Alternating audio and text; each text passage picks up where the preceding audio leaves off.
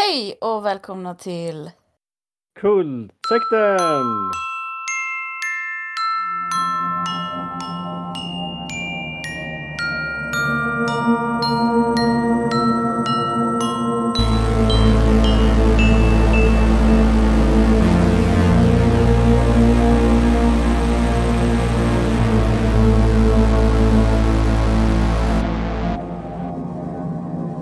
Vi är en podcast som, eh, som pratar om skräckfilm och skräckserier och skräck. Och jag heter Henrik Johansson. Och jag heter Anna-Maria Olsson. God dag, god dag. Hur är läget med dig? Är rätt okej. Jag har varit jag är lite seg, sovit lite dåligt. Så... Ja, Jag har också Mm. sovit lite dåligt faktiskt. Och sen så var jag uppe och drack eh, champagne halva natten. Så det blir man ju också lite trött av. ja. Det låter som en eh, mycket bättre anledning att vara trött än... eh, Eller bättre? Ja, ja. En roligare men- anledning att vara trött än jag. Ja, men alltså halva natten var det inte. Jag gick och la mig vid elva men sen kunde jag inte sova. Men alltså, ja. Okej. Ja. Så att, men eh, mm, det var ändå trevligt att dricka lite champagne. Det är ja. alltid kul att fira saker och ha Yes. ha roligt. Mm. Ehm, vad håller du på med idag? Oh, eh? Det låter ju så extremt friskisaktigt men eh, jag, efter barnen var iväg till skola så var, jobbade jag någon timme och sen var jag ute och sprang och gick med en kompis. Eh, och sen nu tillbaks och sätta igång och podda. så hurtigt. Mycket hurtigt. Ja men det är Ehm. gött ju. Och sen har vi, avslutar vi arbetsveckan med tidigt för vi ska gå på ett sånt här utvecklingssamtal. Som Okej. tycker jag är skittråkigt ska jag vara det. Jag är en sån dålig förälder. Men eh, ja, så är det. Jag är alltid lite nervös för vad de ska säga. Mm. Och, och, och, sen, och sen tycker jag att det är lite trist. men, det, men det är också spännande. Jag har väldigt blandade känslor. Men ofta tycker jag det tar lite för lång tid. Jag skulle, jag bara skulle vara rätt så nöjd med så här, bara, "Ah, men det går bra, det är lugnt. Mm. Jag vet inte, lite så också kan jag känna. Eh, mm, så länge det går bra. Sen är också, tror jag, en mer läsande än lyssnande människa. Det hade varit, för min del hade det varit lättare att få ett A4-papper. De hade skrivit ner allting de ville få fram istället, för Herregud, ja. istället för att berätta det muntligen. För det, bara, det bara försvinner. Liksom. Ja, ja precis. Jätte, men jag brukar alltid sitta och anteckna, annars har jag ingen chans att komma ihåg vad de säger. Om det är någonting så här, om man ska fokusera på någonting eller hjälpa till med någonting. Mm. Eh, Men det är väl olika hur folk är. Jag tycker det, jag kan ha en bra, en bra ljudminne. Alltså så om någon säger en sifferkombination så kan jag se, upprepa den högt direkt efter och så kommer jag liksom ihåg ljuden men det är korttidsminnet. Det är aldrig så att någon kan säga någonting till mig och sen kommer jag ihåg det. Ja, okej. Punkt slut. Okej. Det är bara innebörder ger mig, nej ljud kommer jag ihåg men innebörderna, nope. Liksom. Nej. Nej, det skulle liksom, det är ju enstaka meningar som liksom får betydelse på något vis. Inte sådär någon sån ordmassa om hur går det i spanskan liksom. Nej. Bra ändå med det här sifferminnet. Eh, jag kan känna att eh, ja men du vet, man skriver ner olika koder i små böcker och sånt där liksom. Och så Mm. bara Jag kan liksom inte gå och läsa koden och sen gå till datorn och skriva in den utan att ha glömt den liksom. Utan då måste jag ta med en bok. Liksom. Ja. Ja men det, det är ganska bra. Jag har ju i perioder jobbat väldigt mycket med siffror och långa sifferkombinationer som skulle in i olika system och sånt. Mm. Så då är det väldigt gött att kunna säga 7, 13, 50, 40, 30. Och sen kan man bara skriva det en liten stund senare för jag kommer ihåg vad jag sa. Liksom. Jag tror jag kanske har varit bättre på det. Kan det Ja. vara. Eh, minne kanske- är ju faktiskt ett centralt tema i Castle Rock. Ja, precis. Det är inte därför vi Exactly. pratar om det egentligen. Det var ingen snygg övergång egentligen. Jag kommer klippa bort att du sa det. Jag gör det. Eh, Ja, vi har, sen, vi har sett de sista två avsnitten av Castle Rock. ju. Mm. Och Castle Rock är en eh, serie som finns på HBO. eh, som utgår från Stephen Kings universum och massa liksom, idéer och, och platser och karaktärer. Eh, som finns i olika mycket- Stephen King-böcker, men det är inte, Stephen King har inte skrivit den. Liksom. Nej, det är mycket namedroppande kan man säga. Ja. Ja, det är Typ det. bageriet heter Claibornes Bakery eller sånt där. Du lät sur över det. Nej, jag, jag höll på, det började kittla i näsan, det var nog därför jag Ja, lät så. okej. Ja. jag förstår. Mm. Nej, jag, jag kan väl för sig tycka att eh, Blir det för mycket? det, om det finns någon slags poäng i det, liksom. Ja, Så det är lite så här strössla med massa små detaljer som egentligen eh, jag vet inte, det tar fokus tycker jag från Mm. historien. Men det var lite för, för, förra avsnittet som vi såg så var vi, alltså då um, avsnitt åtta var Mm. det väl. Då var vi också lite så här, bara men det är för mycket, då var det för mycket händelser. Mm. Men att det är precis som, jag älskar det här barocka man bara öser på. Men Ja. Det kan också bli att saker blir som en, mass, en grå massa där inget sticker ut till slut och man blir lite trött i huvudet och så kanske det Kanske är det lite så med alla de här hänvisningarna. Jag känner att jag inte bryr mig. ja, exakt. Och Nej. det är väl eh, på ett sätt bra för det behöver, man behöver inte bry sig om vad ett bageri heter. Det är skitsamma för den här historien men det kanske hade varit lite färre grejer hade man kanske brytt sig. Ja, jag kan tycka att eh, jag uppskattar mer liksom när de har ansträngt sig, vilket de gör en del, med filmmusiken till exempel. Så bara, Mm. oh, nu var det en Misfits-låt liksom, eller nu kom Gene Pitney här liksom. Än att eh, ständiga referenser till The Shining liksom.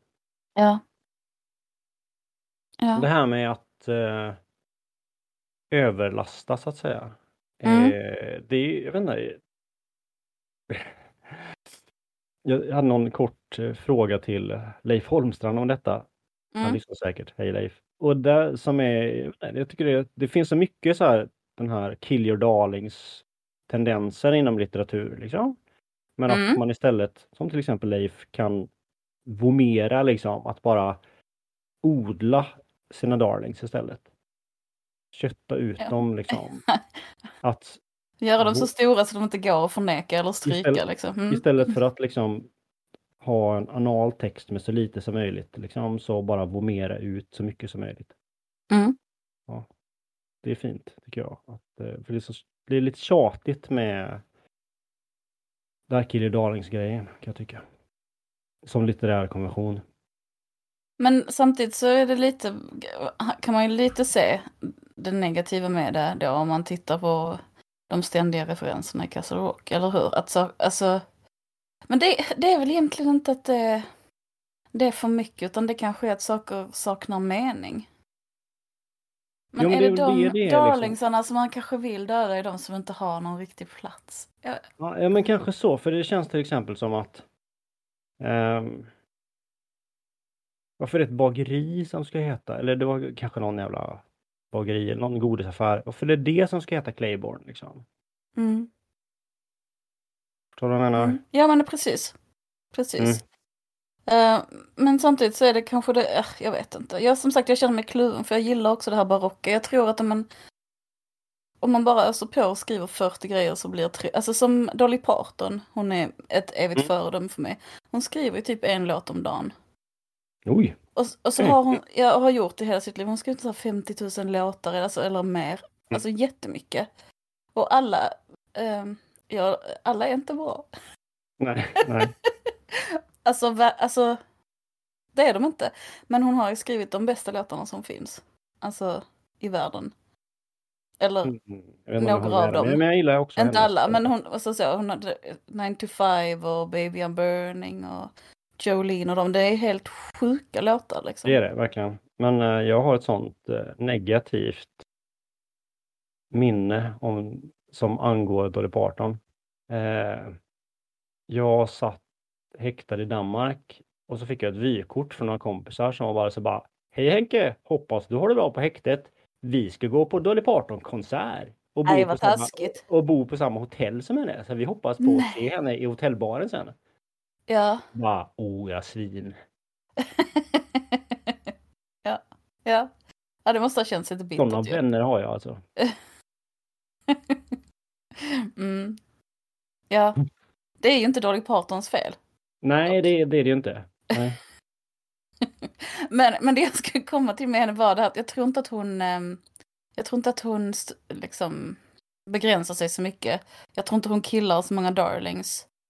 Nej. Utan hon öser, öser på och sen i, alltså det kommer ändå mer riktigt bra saker ur den här massan än vad det kommer ur de strama. Mm. ehm, ja. Alltså om hon bara skulle skrivit de bra låtarna så tror jag inte de, hade, de bra låtarna hade kommit. Ja. Och, och grejen är väl också, jag tänker så här att i det här Kill Your Darlings-tänkandet så finns det Gör man så är konsekvent med det så blir det ju allting så jävla meningsbärande. Då blir liksom en hel film, en hel bok som ett ganska tråkigt pussel liksom. Mm. Eh, där alla bitar måste finnas, allting måste vara där, man kan inte ta bort någonting och man kan inte lägga till någonting. Lite. Jag vet inte om det är så att man, man vill härma verkligheten i konsten. Jag har alltid tänkt mig att man vill det, men det vill man ju nog inte. Börjar jag förstå ju mer jag lär mig. Men i verkligheten, verkligheten är ju full av, av meningslös skit. Liksom. Mm. Och det kan jag tycka ganska mycket om. Ja, I, när det får vara så också i ehm, film och litteratur och så. Ja. Men jag är inte, sån, jag är inte så superkär i detta med narrativ ju. Jag kan tycka, jag kan tycka om att bara sköljas över av en flod. Med förvirring. Ja. Och olika typer av intryck. Jag läste Aino Trosells Varvslammer och det är, lite, det är liksom en vardagsflod. Som har Mm. väldigt, och det är som jävligt god på ett vis. Mm. Jag tycker om den. Ja. Vad hette den sa du? Varvsslammer. Den handlar om eh. Mm. varven i Göteborg och varvsnedläggning och sådana grejer. Men Castle Rock igen. Castle Rock igen. Mm. Ska vi berätta vad det handlar om? Jag ska ta... vända mig bort och prassla lite. Heter inte avsnittet Henry Deaver? Avsnitt 9 heter Henry Deaver. Mm. Mycket riktigt. Och jag, den börjar väl med, jag tror att det är han Matthew, alltså Henry Devers pappa, jag tror det är hans predikan den börjar med igen. Det är i alla fall lite så här högtidliga, högtidligt bibliskt prat. Eh, Gud har övergivit det här stället, det, eller så har han liksom, vill han straffa oss, det är Sodom och Gomorra och den här stadens historia. Eh, människor säger det var inte jag, det var den här platsen, när, det, när de har gjort något fruktansvärt och det är kanske sant. Någon sån Ja men typ predikan börjar avsnittet med. Och det är väl Ehm. så här eh, att han har bett om vägledning för vad han ska göra liksom åt Mm. citationen Castle Rock och till slut så svarar Gud lite grann så. Ja. Och han, han, han ser på sig själv som Jesus för han fortsätter sen berätta ehm, att han, eh, hans mamma dödade honom när han var liten och så är det en jätteobehaglig scen. ehm, med en kvinna som dödar en bebis. Eller skadar en bebis. Eller liksom försöker döda en bebis men som Ja. överlever ändå. Ja, men han hävdar att han dog och återuppstod. Det- Ja. Exakt. Eh, Och efter det så har han alltid, han har väl sett sig själv lite grann som Jesus och väntat på någon mening, något uppdrag sådär. Att han, Ja, liksom, Som om jag, jag är utvald, stuket. ja precis, exakt. Sen klipper vi till eh, Bill Skarsgård ehm, som någon slags lyckad doktor, expert på Alzheimers som är och håller föredrag för några finansiärer. De har uppfunnit någon, eh, han och hans fru tolkar det som, uppfunnit någon liten ja, någon Hippo- teknik, jag vill bara säga. Som, som liksom, Det här är mitt favoritämne, det är hippocampus. Ah. Campus, den här delen av hjärnan som ja. organiserar tid och rum. Han har, Mm. har uppfunnit en liten eh, grej som kan ehm, som man kan plantera in i hjärnan som kan stimulera hippocampus. Så att katter med Alzheimers liknande tillstånd går från att vara förvirrade och apatiska till att ha koll på läget. Mm. De har väl inte börjat implantera den i människor än, men han har med katten. På något vis Eh. återuppbyggd, ersätter den här, de som jag tolkar det, de här nervtrådarna som Alzheimers har tabbat på något vis. Ja, typ. Någonting. Eh, och, det, men det, och det återkommer ju i, i de här två sista avsnitten eller i detta avsnittet. Den här, eh, att eh, verkligheten skapas i våra hjärnor. Ja, men liksom också flera nu, flera verkligheter. Ja, och en frisk hjärna eller en bra hjärna kan klara av att bara hålla, hålla en. Men en Mm. sjuk hjärna kan hålla flera samtidigt och då blir det förvirrande. Men Mm. inte mindre sant, kanske mer sant. I Ja. relation till hur universum fungerar. Jag tycker väldigt mycket om den tanken. Ja, Och det är väl det liksom- som också Gizma är någon, någon slags övergripande symbol för det här verklighetsuppbrytandet kanske. Ja, precis. Eh, jag tycker generellt sett också att jag gillar den här biten av avsnittet. Att jag gillar att se Skarsgård spela någonting annat än The Kid. Ja, Liksom, men helt annat. Annan får liksom- hållning och annan vakenhet och så här. annan kroppsspråk. eh, Han pratar på ett annat sätt. Liksom. otraumatiserad liksom. Mm. Välklädd och vaken. Men det är ju så, Så- i, i, och i den här världen så är ju, eller man kan, som jag tolkar, nu går jag kanske handlingen i förväg lite grann, men som, det, det blir lite som att här är The Kid i sin egen värld. Som han försvann till så att säga, och där är ju han Henry Deaver. Ja, precis. Han heter Henry Deaver och Matthew och Ruth är hans föräldrar. Han, han verkar som att de pratar om som att de är hans biologiska föräldrar. Mm. Och i den andra verkligheten har de förlorat ett barn vid födseln eller Ja, så. Så då, i den här verkligheten så överlevde han väl och de adopterade ingen. mm. Ehm, Men, men han får ett telefonsamtal och då är det Alan Pangborn som ringer och han bara "Ah, är det något med mamma?” och bara “Nej men eh, din pappa”. Och då åker han tillbaka till Castle Rock för att eh, Matthew, hans pappa, har tagit livet av sig. och, då, och ute i skogen liksom. Han- Ja, precis. Eller, eller bort mot sjön till kanske, någonstans Ja. där. Ja, men någonstans Eh, där, han försvann. Och då är det väl så att i den här verkligheten så så rymde, eller rymde, så drog Ruth med Alan Pangborn. Ja, precis. Och med Henry Deaver. Så att Ja, hon det. räddade Mm. honom bort från Castle Rock liksom. Mm. Och det känns där, som det är därför han är så välartad och mår så bra. Ja, exakt. på något vis. Ehm, och så när, när han kommer hem där så är det sån himla, det är så bra komma hem-ångest, hur han liksom bävar inför huset och sen så kommer han in i huset och det är bara så här tidningar och mat Jag skrev liksom- och flugor och Liksom hårder, vanvårdat, liksom. väldigt mycket. Misskött. Ja, och han träffar grannarna, alltså grannarna Molly och hennes syster och då är det eh, i den här verkligheten så är det Molly som är den framgångsrika och syrran bor på hennes soffa Mm. och gör bort sig och, och sådär. Och man ser också att det finns en fin kärlek och gemenskap mellan Molly och Henry Mm. i den här verkligheten också.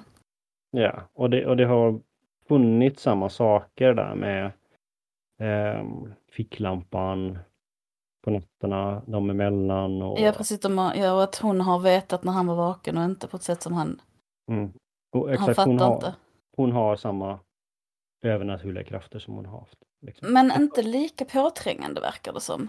Alltså, för hon, hon pratar om att hon kan to tona ut Mm. saker och alltså hon vara- verkar inte lika skadad av det. Nej. Men så går han ner i källaren. Han, eh, han, en propp går och det är så här mörkt och obehagligt och han går ner i källaren. För att eh, fixa säkringarna. Jag tänkte ju att det skulle vara någon. Det blev ju en slags jump scare, men det blir ju inte en eh, farlig jump scare så att säga. Men det är en sån jävla bra jump scare tycker jag. Väldigt bra, väldigt bra. Ehm, och det han som händer är ju att han hittar den unge svarte Henry Deaver i en bur i källaren. Den andra Henry Deaver och sen när lamporna tänt så tittar han sig omkring i källaren och sen bara Alltså just att få se en annan människa där, det är ju skitläskigt. Mm, Och så visar det sig att den andra människan är ett fångat barn som sitter i en bur. Alltså, ja. vilken grej. Och sen kommer sheriffen och då är det empatipliten, eller hur? Yes, det är det. I den här Savelski. verkligheten är han- Savelski. Lite bättre. Lite bättre liv för honom i den här verkligheten än så länge. Ja, men han verkar också mindre empatisk. Ja, det kan ju gå hand i hand, det är samma som Molly. Exakt. Han är mer hårdhudad snut här. Mm. Ehm, pappan har ju liksom spelat in massvis med band om eh, och berättat om sitt liv. Och eh, The Kid Deaver liksom sitter och Mm. lyssnar på dem. Mm. Och då berättar om han om hur den här unge pojken dök upp liksom. Just det, han får höra hela historien om hur andra Henry kom. Mm. Och hur han... eh, ja, men hur, hur han kände igen berättelsen och att den här andra Henry visste saker som han inte kunde veta annars. Så han kände väl först att han fick så, att det var Guds svar, att han blev väldigt glad. Men sen så hade han en sån här sjuk grej för sig att ja men det här är ju inte... Det här är inte mina böner som besvaras utan det här är ju mina önskningar som infrias. Så det måste ju vara djävulen. Alltså är den här, det här andra barnet som ko- kom är då djävulen på något vis och därför låser han in honom i sin källare. Ja. Och det, det, bägge de här avsnitten är mycket minnen tillbaka av att gå med pappan i skogen och hur skrämmande det är på olika sätt. Hur, alltså att pappan ändå hade rätt på något vis men att det gör det inte bättre Nej. för de här barnen som var med om det. Och det är så att eh, den här unge Diver, alltså han hör ju ljudet och han dras ju också mot ljudet och vill liksom in i skogen och gå närmare ljudet. Och Ja, försöker försöker- liksom rymma mot skogen men blir infångad och körd till polisstationen. Ja precis, han är verkligen, ja exakt, han vill verkligen till det. Ehm, på ett sätt som känns förvirrande och konstigt och man vill springa ut i en mörk skog på vintern i natten liksom. Men visst verkar det som att, att poliserna sen tar den eh, liksom yngre Henry Deaver, inte Bill Skarsgård, till Juniper Hill. I Men alla fall tar de honom till ett sjukhus av något slag. Är det det? Är det inte polisstationen de tar dem till? Mm, nej, det är ett sjukhus med andra som han bränner ner. Eller Ja. För sen, Okej. sen tas han till polisstationen därifrån. Mm. Och polisstationen har inte brunnit ner. Nej, okej. Jag tror det. Precis som att de tog Ja. Bill Skarsgård till Juniper Hill. I alla fall Mm. någon liknande institution. Eh, som brinner ner och människor dör och sen så förhör de då den unge Henry Deaver. Molly och den äldre Henry Deaver kommer till polisstationen. Och Molly lyckas övertala polisen att de ska få med sig unge Henry hem. Mm. Men det finns en grej innan där. Det är när de har pratat så har hon lagt handen på um, unge Henry Rivers hand. Och det känns som att jag tror att kanske har missat att det finns en slags beröringsöverföring där. Att, mm, att när någon rör eh, Henry Rivers så att säga så börjar Men de Molly tänka ser ju deras- honom liksom. jag tror också att det var Mollys krafter, att hon ser, ehm, hon ser deras gemensamma barndom. Alltså den här Henry Devers och hennes. Och hon ser också hur hon dödade hans pappa till exempel här. Mm, visst, men det finns också en koppling där tänker jag att Lacey till exempel inte rör vid, Aha. vid dem och att eh, Savelskis fistbump i typ första, andra avsnittet, andra, tredje kanske.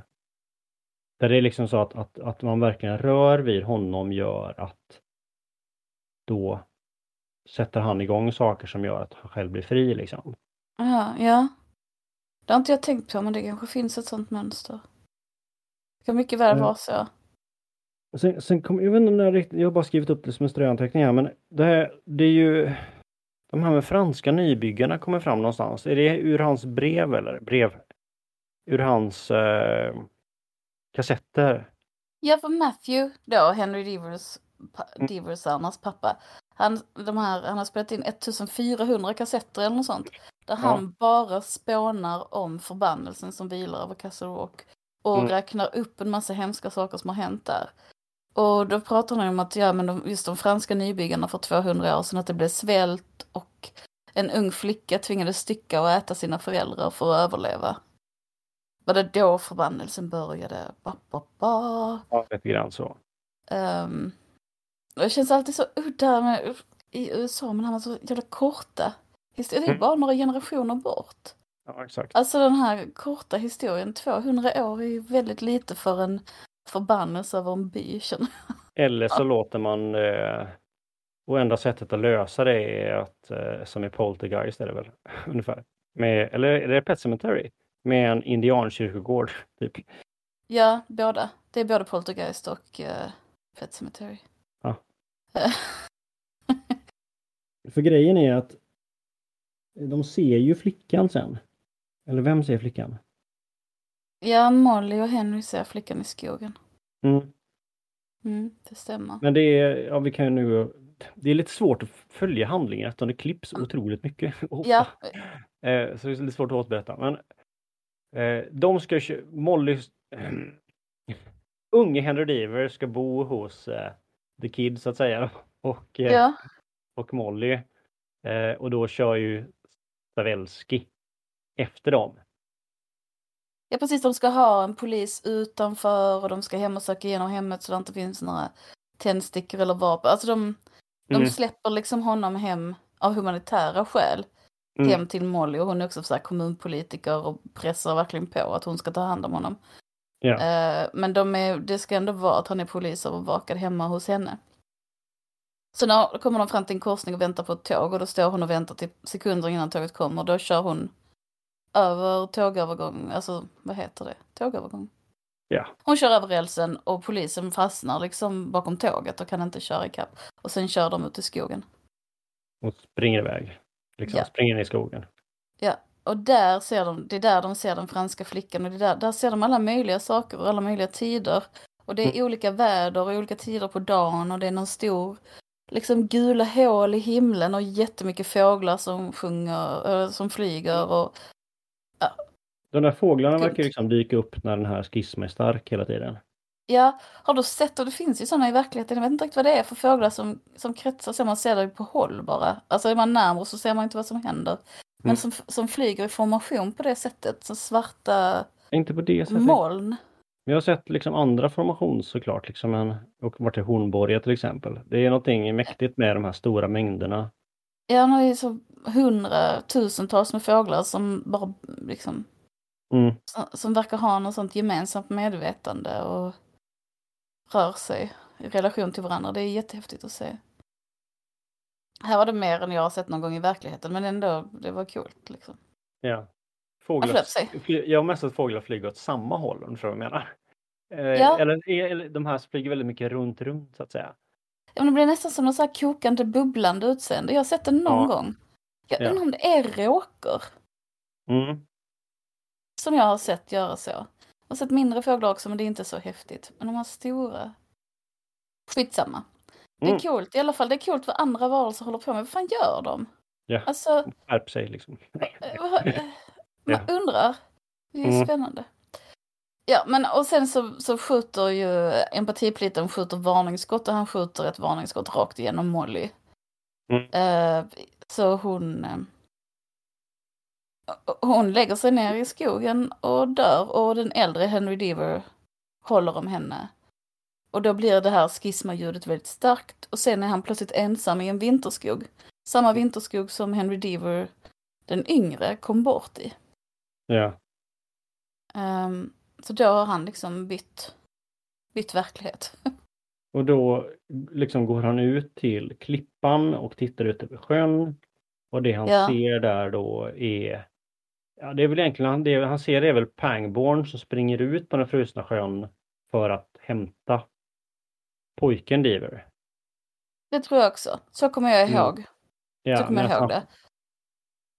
Så då får man Det- anta att egentligen så blir han sen fångad av Lacey så att säga. Mm. Yes. Så Eh, jävla creepy. ja, det är det. Mm. Eh, men det var det avsnittet. Eller hur? Ska vi ta en Ja, liten... men sen kommer man tillbaka till, i all, allra sista scenen är att man kommer tillbaka till ehm, den här, det är till den yngre Henry Devers lite jobbigare verklighet.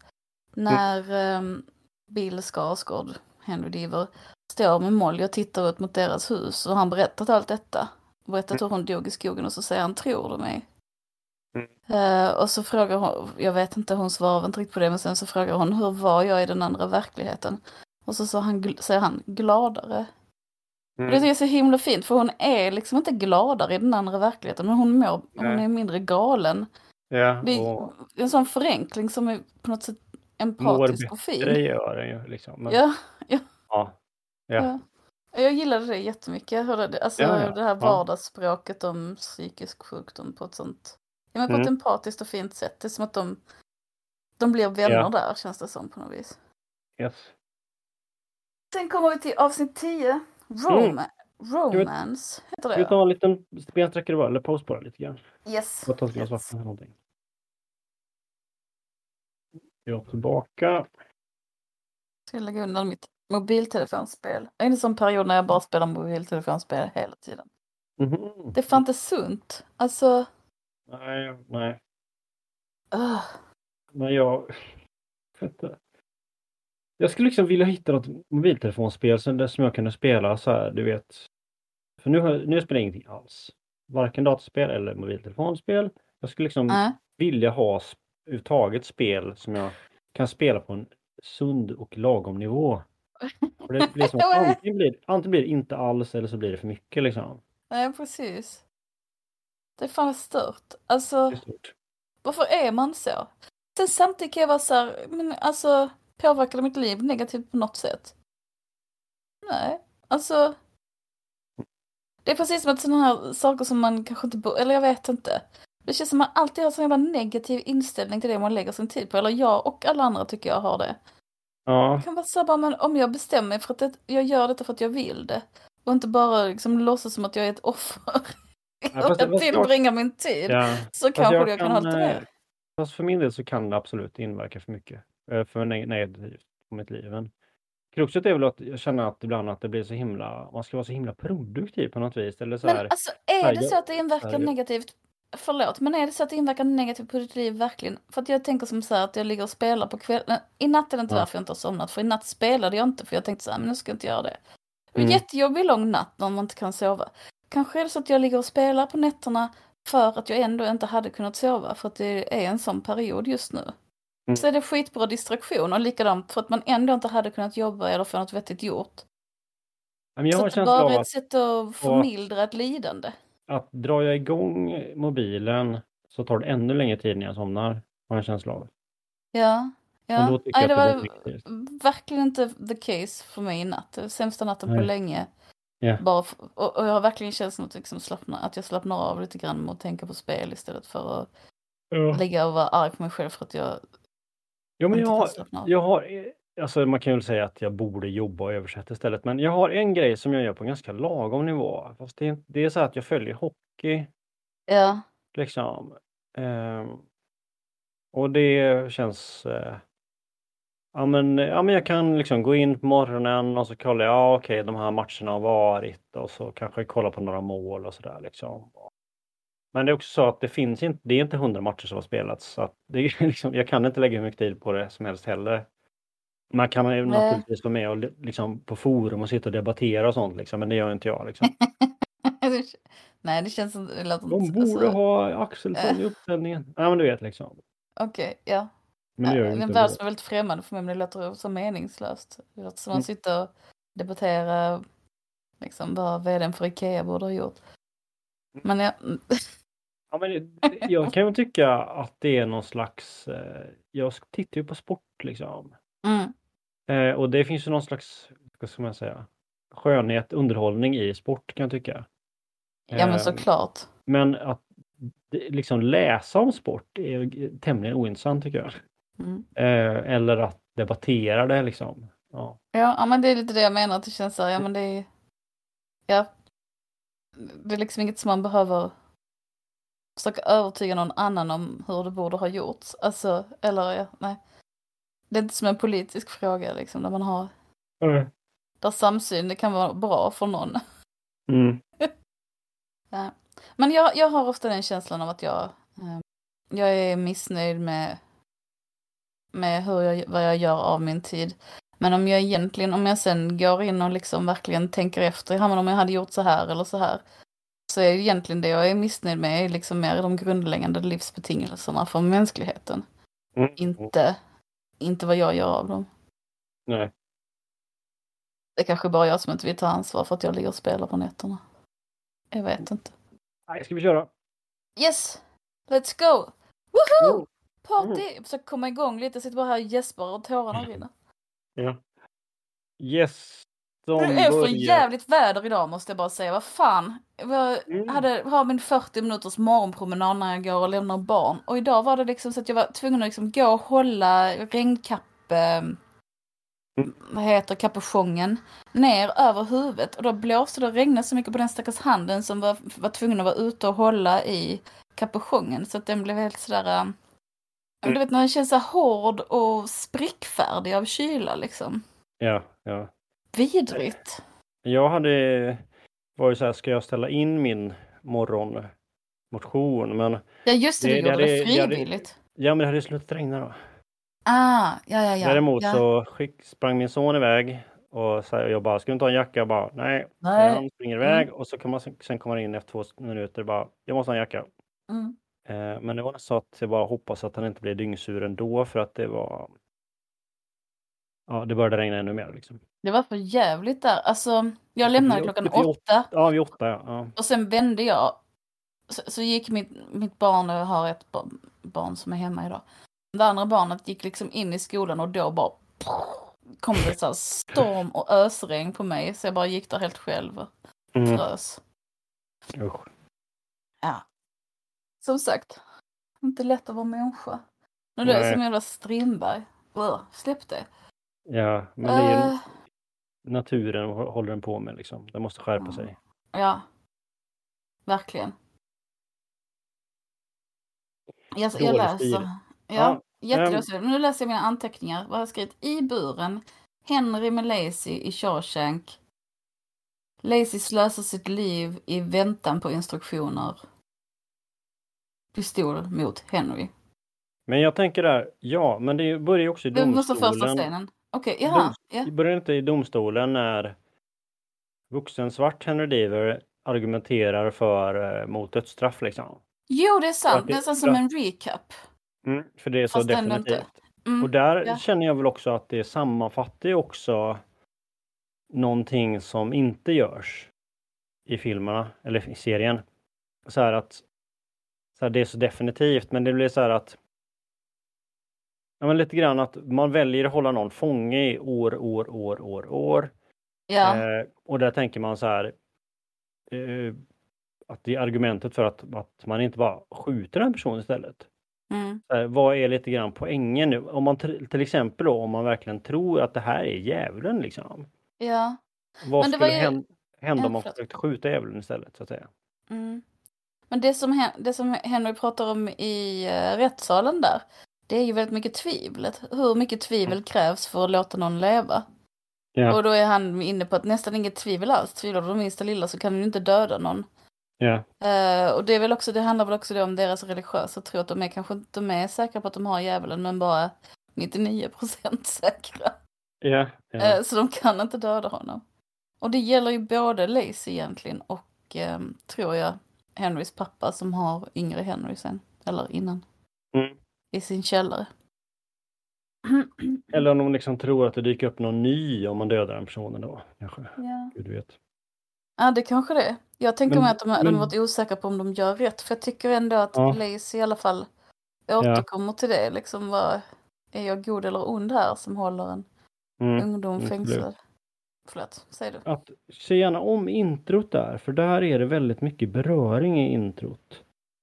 Det är liksom eh, Ah, den här... Så där finns eh, empatipliten och Molly och sånt där. Man ser liksom människor röra fysiskt vid um, Deaver liksom. ja, men för jag, jag tror bara att jag lyssnade på det introt för att jag tror att jag Mm. höll på med någonting annat samtidigt. Jag tror min sambo steg upp eller någonting sånt där alltså, Mm. på morgonen. Ehm, ja, Jo men Lazy framför buren, ja just det. Ja. mm. och och han är såhär bara, jag har inte skaffat barn för jag bara väntar på instruktioner om vad jag ska göra med dig och så. Lägger över liksom sitt misslyckade liv på Ja. Henry Deaver på ett sätt som känns lite, På, här, på den han har fängslat. Liksom. ja. Sen är det ju någonting övernaturligt men ja, där Ja. är, mm, ja. Ja men det är ju det, eller på något vis är det... det jag är lite kluven till det där för att de ska ju ha suttit där i åratal och intrycket är till exempel att The Kid enbart har ätit vitt bröd. Ja, Och det finns liksom, det, det finns liksom grejer som fattas här, förstår du vad jag menar? Det finns ja man liksom skulle vilja veta varför och hur och lite så kanske. Ja, det är så här, det är liksom, hade det varit en vanlig människa så hade man nog inte överlevt den här behandlingen liksom. Nej. Nej, nej, att sitta i en så liten cell i 25 år eller en bur i mörker, det är nog svårt också att överleva Ja. faktiskt. Och, och bara äta vitt bröd. Ja, det är det- nästan det finns liksom någonstans att uträtta sina behov där liksom, där nere. Det fanns en gryta Det fanns en gryta. Ja, okej. Mm. eh, med lock, har jag alldeles för mig. Mm. Jag kanske blandar ihop det med någon annan skräckserie, men jag tror det. Nej men det, Men- kän- det är ju ganska uppenbart att det är någonting övernaturligt och att de inte, de är inte i sin verklighet så tiden går inte för dem på något vis. Alltså, Ja, exakt. Det är still. Ja, för- ja de Ja. åldras ju inte heller. Liksom. Visst, nej så. precis. Men det är samtidigt eh, med den här franska flickan och sådär. Liksom. Samtidigt är det så att det är inte bara dem som det är något övernaturligt med, utan det är någonting med platsen också. Mhm. Mm. För jag menar, det har ju varit massa massaker, eh, dödsfall i mängder innan deras tid. Ja, och här i detta avsnitt tror jag också att det kommer fram i diskussioner med Molly att, att den yngre Henry Deaver satt liksom 20-30 år han också. I sin pappas källare för att hon säger så men den här bussolyckan här det var ju, det var ju decennier sedan, han är 12 år. Mm. Eh, och då säger den äldre Henry Deaver nej men han, har, han verkar ha suttit här i flera decennier. Han liksom. Så det är ju också intressant tycker jag. Eh, men, Mm. men för att komma tillbaka till Lacey, han säger bara oh, du, ditt fel att jag inte skaffar barn. Det känns ju som hela syftet med det här avsnittet är ju att säga att det spelar ingen roll varför du gör eller inte det spelar ingen roll, men om du gör elaka saker så gör du elaka saker. Mm. Det finns ingen så här, det Ditt finns ingen så här, oh det roll." var platsen eller Ja, de blir ju lika elaka för, då, för, Ja. för, för de som dör spelar det liksom ingen roll. Nej, och om det var platsen som fick dig att mörda eller, alltså det är ändå du som är, alltså, det, det suddar ut det där med individen. Bara, ja men du Mm. är ju ändå en del av den här platsen nu, du är en del av detta, så det här är ditt liv. Ja. Typ. Ehm, på ett sätt som är, Det gör ju det är både att, fegt och modigt. Alltså Ja, det är en rolig motsättning i visst, det. och som filmkritiker här så gör det också att det är som att de säger till oss att det inte är så stor idé att spekulera i om är det här Castle Rocks fel eller är det Henry Devers fel eller är det Lacys fel? Så att säga. Nej, och vad är Castle Rock? Det är kanske platsen och människorna. Alltså, Mm. du vi går- flyttar väl gränserna för vad Om vi hoppar till handlingen så Ja. återvänder ju Wendell heter han va? Alltså den Henry yngre Devers Henry son. Devers son, ja, som är äldre här nu. Ja, Hmm. Den adopterade Henry Deaver kanske vi ska kalla honom då. den vuxna adopterade Henry Devers Mm. son Mm. Wendell kommer tillbaks. Mm.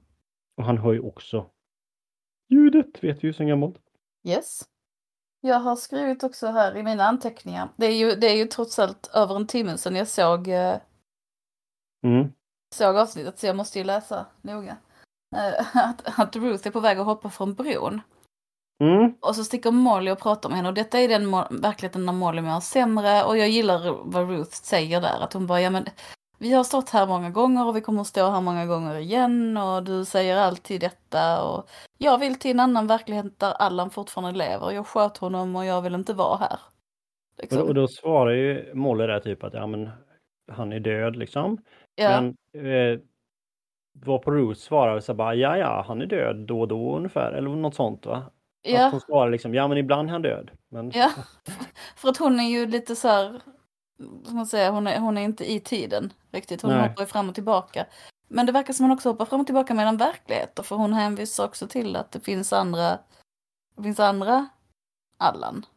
mm. Eh, Men då ska vi se, Molly säger någonting där. Ja, hon börjar prata om det, den här andra Allan. Så att jag vet att du lämnade honom. Jag vet att du packade väskan och sen drog du med Henry. Och ni levde lyckliga i Syracuse, eller var fara och de var. Ja. Eh, och det får eh, Ruth att inte hoppa. För då blir hon så här, oh, det här brukar du inte säga. Ja, oh, spännande. Kul. Så- Ja. Precis som att hon om och om igen har stått på den här bron och så är det någonting som, som avviker lite som bara, ah, okej men då, Mm. då tar jag inte livet av mig här då. Och då kör ju Ja. hon hem Ruth till Ruth. Ja. Och sen kommer Henry dit, dit va, och så, alltså den adopterade Henry och är sur på Molly. Är inte det? Mm. Jag måste läsa. Han har ju varit med om någon liten trafikolycka liksom. Det kom massa fåglar, krockade med hans bil och han körde in i någonting. Och... Ja, och ju- så innan dess så var han ju på mordpensionatet och blev eh, knivhuggen. Mm. Så han har ju varit med om en del. Kanske inte så konstigt att tänka på Ja. Joblad. Lätt ett tufft liv. Ja. Ja. Och eh, under tiden här så eh, mitt i allt detta känner jag väl någonstans Mm. så dör ju också den nya fängelsedirektören. ja, just Och det var ganska först, stänger rejäl... de, först stänger de fängelset hon, för hon, på Ja. grund av empatiplitsmassakern. Så hon står där och ser när alla fängelserna går på, eller alla, vad heter de? Internerna går på en buss. Mm, Så du kunde. Ja, Fängelsekunderna, höll jag på. Ja, ja, Mm. ja det kan man säga i och för sig. Ja. Men empla- empatiplitsmassakern är också ett Ja. avancerat ord. ja. det var en avancerad händelse också kanske. Ja. Eh, hon har ju hittat en, eh, ja det är väl tvål antar jag, tvålfigurin av sig själv. Ja, Åker hem till Molly och letar efter The Kid liksom och säger att han är verkligen djävulen. Till ja Molly. precis. Och så kliver hon ut, går ut i gatan, smack, blir överkörd av en fångtransport. Ja, en stor tung buss full med fångar. Mm. Som kändes, em, det kändes som de körde väldigt fort, väldigt nära Mm. bara utgången från ett hus. Ja, Eh, Men ja, det är olika med trafikregler. Ibland kanske man får köra så fort.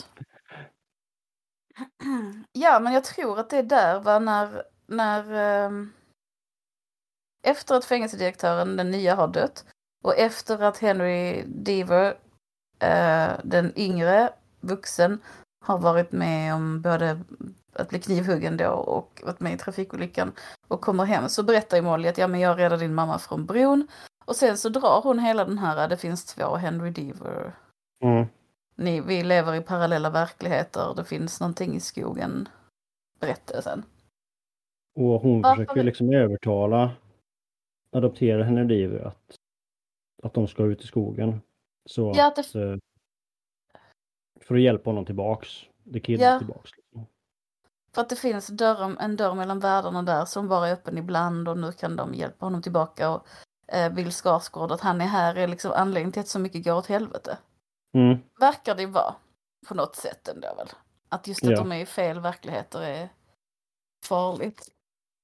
Men om de bara är i sin rätta verklighet så är de inte lika farliga. Har jag fattat det rätt?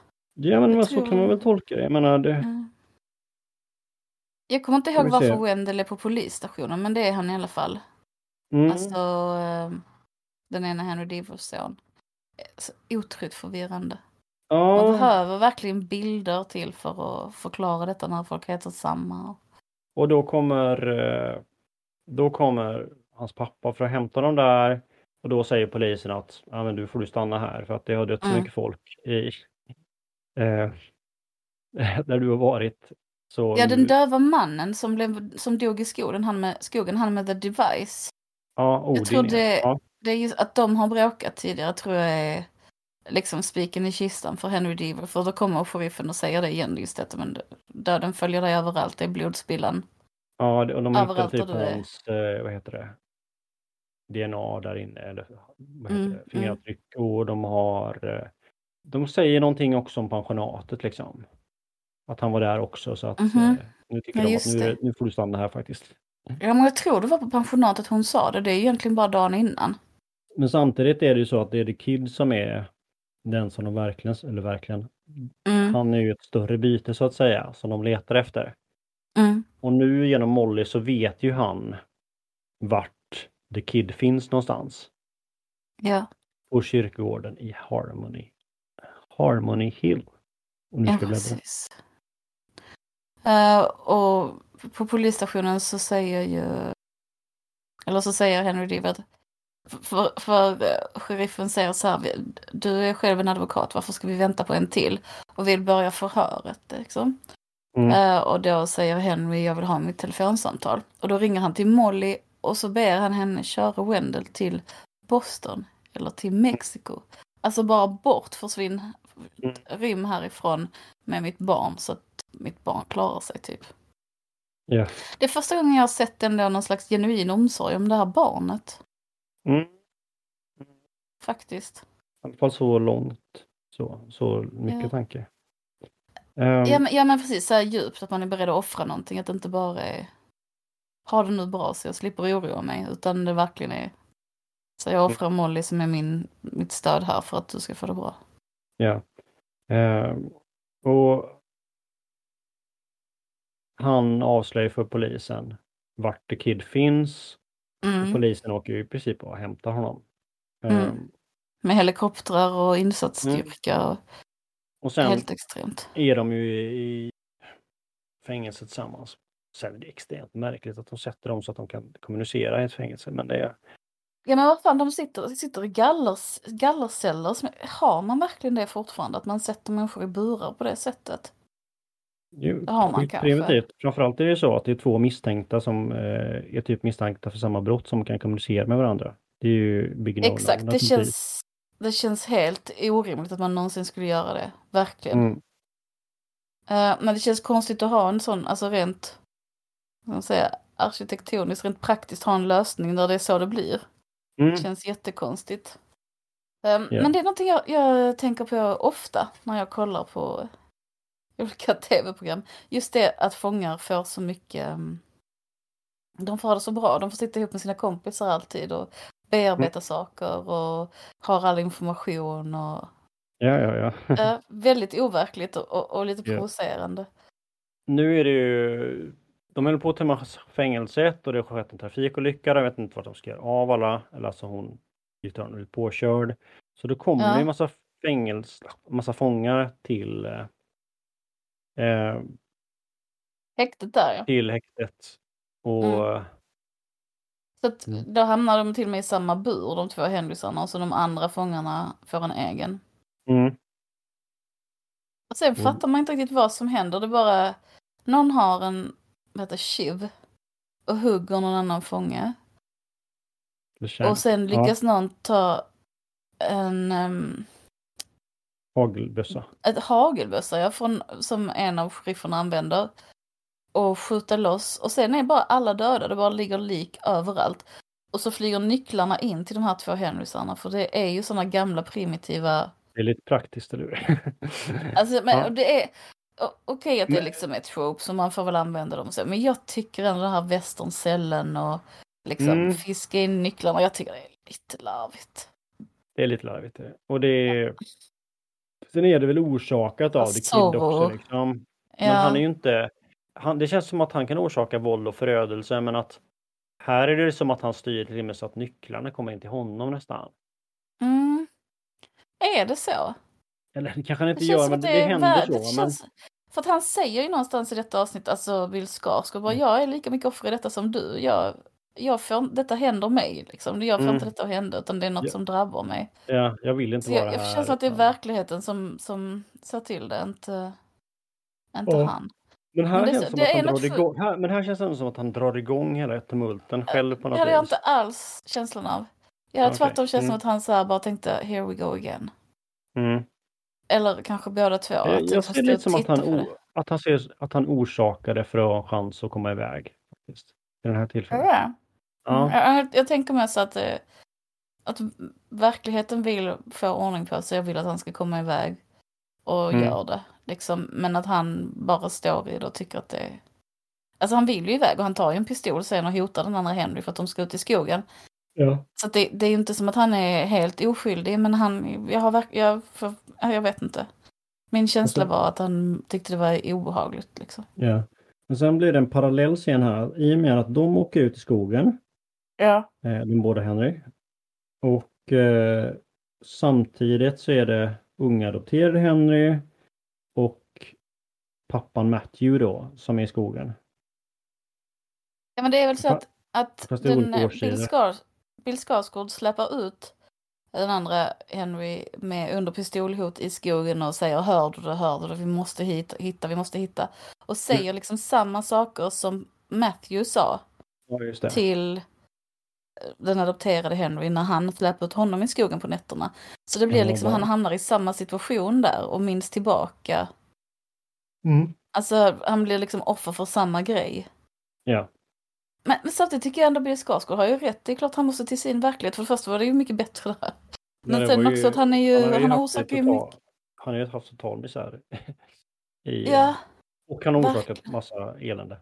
ja, så att det är inte, alltså igen, man, man hoppas ju att han ska få rätt och man tycker ju att det är helt rimligt att han liksom gör det under pistolhot för att få hjälp att hitta platsen där, vär- där dörren finns mellan världarna. Ja. Eh, Otroligt bittert att den andra Henry inte ställer upp på det, Mm. tycker jag. stil. Men man förstår ju det också i och med att han går där och har flashbacks till när hans pappa skulle döda honom och hans mamma liksom. Alltså, Ja, exakt. Samtidigt som Ja. de pistolhotar honom. Liksom. Vilket, jag vet inte vad som händer först, men han får ju han får ju tillfälle att ta pistolen, revolvern, från The Kid. Och, eh, och det är samtidigt... typ en helikopter som flyger nära eller någonting. Alltså det är bara någon distraktion vad som leder Mm. till det. Ja, man typ knuffar till honom tar, tar pistolen, revolvern. Ja. Eh, och, och samtidigt så visar de hur det är att när Matthew säger att, att han ska döda Ruth, med, alltså Ja. han säger ju det mellan raderna, eller ja, Ja. han säger, han säger att han ska döda Ruth, liksom för att hon är synderska och Mm. deceiver och allting liksom. Så springer unge Matthew Reaver, Henry Reaver, iväg. Ja. Och, och sen så fintar honom kan man säga genom att gå tillbaka till sina egna spår. Så står Precis han där. i The Shining. ja, Eller hur? exakt. Danny Yes. i The Shining gör ju likadant i labyrinten. Att han springer och sen backar han i sina snöspår Mm. och gömmer sig. Ja, Ja. Jag tycker ändå, där tycker jag ändå det är trevligt med den upprepningen. ja. Eh, ja men den är inte bara kitschig liksom, utan den Nej. någon funktion också. För att, för att då eh, den adopterade Henry Divers pappa går ju då, för att de fotspåren går fram till stupet, så då går han fram till stupet och tittar ner. Och det är då Henry faktiskt puttar honom. Mm. Så hela tiden har man ju stått på den här ungens sida och sagt det är klart det är bara rasism, det är klart han inte har dödat sin pappa, det är helt sjukt, varför skulle han göra det? Mm. Men nu visar sig, eller skadat då, men nu visar sig att han har faktiskt försökt mörda honom. Med all Ja. rätt. Men Med all ändå. rätt, för att skydda sin mamma. Liksom. Ja. ja. Och sig själv tror jag. Jag upplever också som att han var en av de där syndarna och deceiversarna som skulle dödas. Mm. Där är en sak som jag blev lite tveksam till var att när The Kid får liksom revolvern mot sig Mm. så förvandlas hans ansikte under en kort period. Ja, han blir som ett, ett uråldrigt monster. Mm. Först bara, var jag bara så här, bara, what the fuck, det här är extremt töntigt, konstigt. Är han plötsligt Ja. avgjort elak nu och, och djävulen i, Ja. trots allt som har hänt liksom? Men sen var Ja. det, läste jag någonstans som att man skulle kunna tolka det som att det var Matthews ansikte. Så att, att det är någonting som adopterar Henry Daver ser, att det är någonting som är i hans huvud egentligen, att, så här, att han ser sin pappa liksom. Men det var inte så likt pappan. Nej, det, jag, jag spolade tillbaka. Faller lite på det, tycker jag. Jag, jag tyckte inte riktigt, jag tyckte det var lite långsökt. Ja. Men däremot tänker jag att om man är i en annan verklighet och har suttit fängslad i 30 år och Alltså, och sen befinner sig på någon slags, i någon slags psykotisk Mm. tidsförvirring. Då kanske det är rimligt att det syns på en Mm. Det är ju I lite vissa så, verklighetslager liksom. det är också lite som temat så här att är man ond eller blir man ond eller hur blir man påverkad av att sitta inspärrad till exempel. Liksom. Ja, ja, exakt. Ehm, men sen, jag tyckte det var konstigt. mm, Alltså, så, det var ingen, det var ingen, finns ingen självklar anledning till varför det blev så. nej, Men samtidigt var det gött för det var lite läskigt. ja. Men sen har det, slutar vi där. Eller slutar, sen, sen har det gått ett år. Ja, så står det bara one year later ja. Mm, Mm. Och då har, då bor Henry, Henry och Wendell i Castle Rock. eh, I Henrys Eh, barndomshem. Henry har blivit eh, typ fastighetsmäklare, fastighetsadvokat kanske. Istället. Ja, precis. Ja, han jobbar med fastighetsrätt istället för med dödsstraff ja. Molly har dragit ner till Florida Ja. eh, till sin farmor eller vad det är. Och Ruth och Allan delar grav på kyrkogården på Harmony Hill. Ehm, och sen kommer det sådär något sånt prat som jag inte riktigt vet vem det är som säger. Om det är Lacey eller Matthew. Jag har svårt att höra vems röst det är. Men då säger de att det spelar ingen roll varför du är ett monster. Om du är ett monster så är du ett monster liksom. Mm. Du kanske är det för, för att någon annan har gjort dig till det. Du kanske inte hade något val men du är ändå monster. Alltså Ja. det går inte att göra monstruösa saker och vara snäll. Och då visar det sig att eh, att The Kid åter, återigen sitter i en bur i, eh, i Shawshank-fängelset. Ja, det är den gamla buren han satt i innan. Att Mm. Henry Diva har på något sätt fått tillgång till det. Han jobbar ju med, alltså det kanske för han jobbar med sådana frågor. Mm. Eh, tillgång till Shawshank och så sitter han där. Och så st- sticker han dit och ger honom hamburgare och pommes frites. Och så säger Bill Skarsgård Henry, "Oh, what is this? Och så säger adopterade Henry, "Eh, it's Christmas. Så då får han, istället för det vitt bröd, får han för en gång skull hamburgare och pommes frites för att det är jul. Eh, ja, för det, det sägs ju någonting vid något tillfälle att, så här, att man, han fick aldrig uppleva några jular. I, Okej. När han satt fängslad så sägs det. För att alla Okej, dagar ja, ja, ja. idag. Ja. Och då- och, och, och då Bill Skarsgård säger, säger också så här, men efter ett tag känner man inte på vilken sida av gallret man sitter. Om man Mm. sitter och stirrar. Alltså, som att Henry skulle ha det lika Mm. vidrigt som Bill Skarsgård Henry. Ja, och att han... eh, Han säger någonting om doubt, doubts, alltså att eh, tvivel också. Han, Ja. säger, han säger typ att känner du inte tvivel eller någonting. Du känner också tvivel. Eller någonting. Jag tror de allra sista orden är, hur länge ska vi göra detta? Man Mm. glömmer vilken sida av gallret man är på, se hur det gick för Lacey och sen kommer det där ljudet som Mm. man har hört i skogen och sen är, är serien slut. Nej, det är ju inte det. Är det inte? Jag, jag trodde jag också först. Men det är ju Ja. en scen till i mitt i eftertexterna. Den såg inte jag. Varför gör de så? Herregud. Ja, de- vad är det de- i eftertexterna? Berätta, berätta, berätta. Då sitter Jackie Torrance alltså. Ja, Och eh, har ett par gl- glasögon och skriver och läser ur en eh, eh, prosatext som hon har skrivit. Ja, Eh, som heter Overlooked. Som handlar om hur hon hugger en yxa i huvudet på någon. Så, det eh, gjorde hon ju i mord. Det var ju så hon räddade Henry i mord. Exakt, så hon Mm. skriver nu på någon slags eh, ting som man skulle kunna tolka som skräck. Ja. Eh, och eh, hon funderar på att bege sig tillbaks till dit allting började. Och det syftar det på Overlook Hotel i, heter det, som i The Shining då såklart. Aha! Mm, Mm. Okej, yes. ja, ja. Förresten så såg jag The Shining. Med, vi har börjat se, klassiska skräckfilmer med barnen. Det är jättekul. Oh, Vi har sett ja. Fåglarna som de Ja, älskade, åh, bägge två.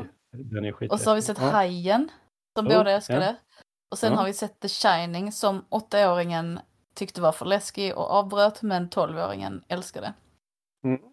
Jätteroligt. man skulle se på lite, vi har ju, jag och eh, 13-åringen har sett på eh, fyra Rocky-filmer. Vi har inte sett, eh, vi har sett Rocky, Mm. men inte någon skräck. Nej. Men det är ju roligt med klassikerna, alltså även om det är Rocky. Mm. Så, alltså det är kul med de här liksom historiska Ja. milestone-filmerna.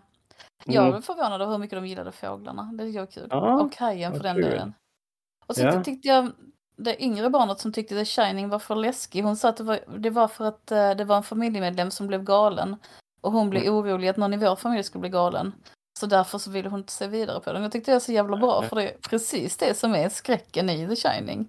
Ja visst, precis. Så det var så himla bra tolkning Ja. liksom.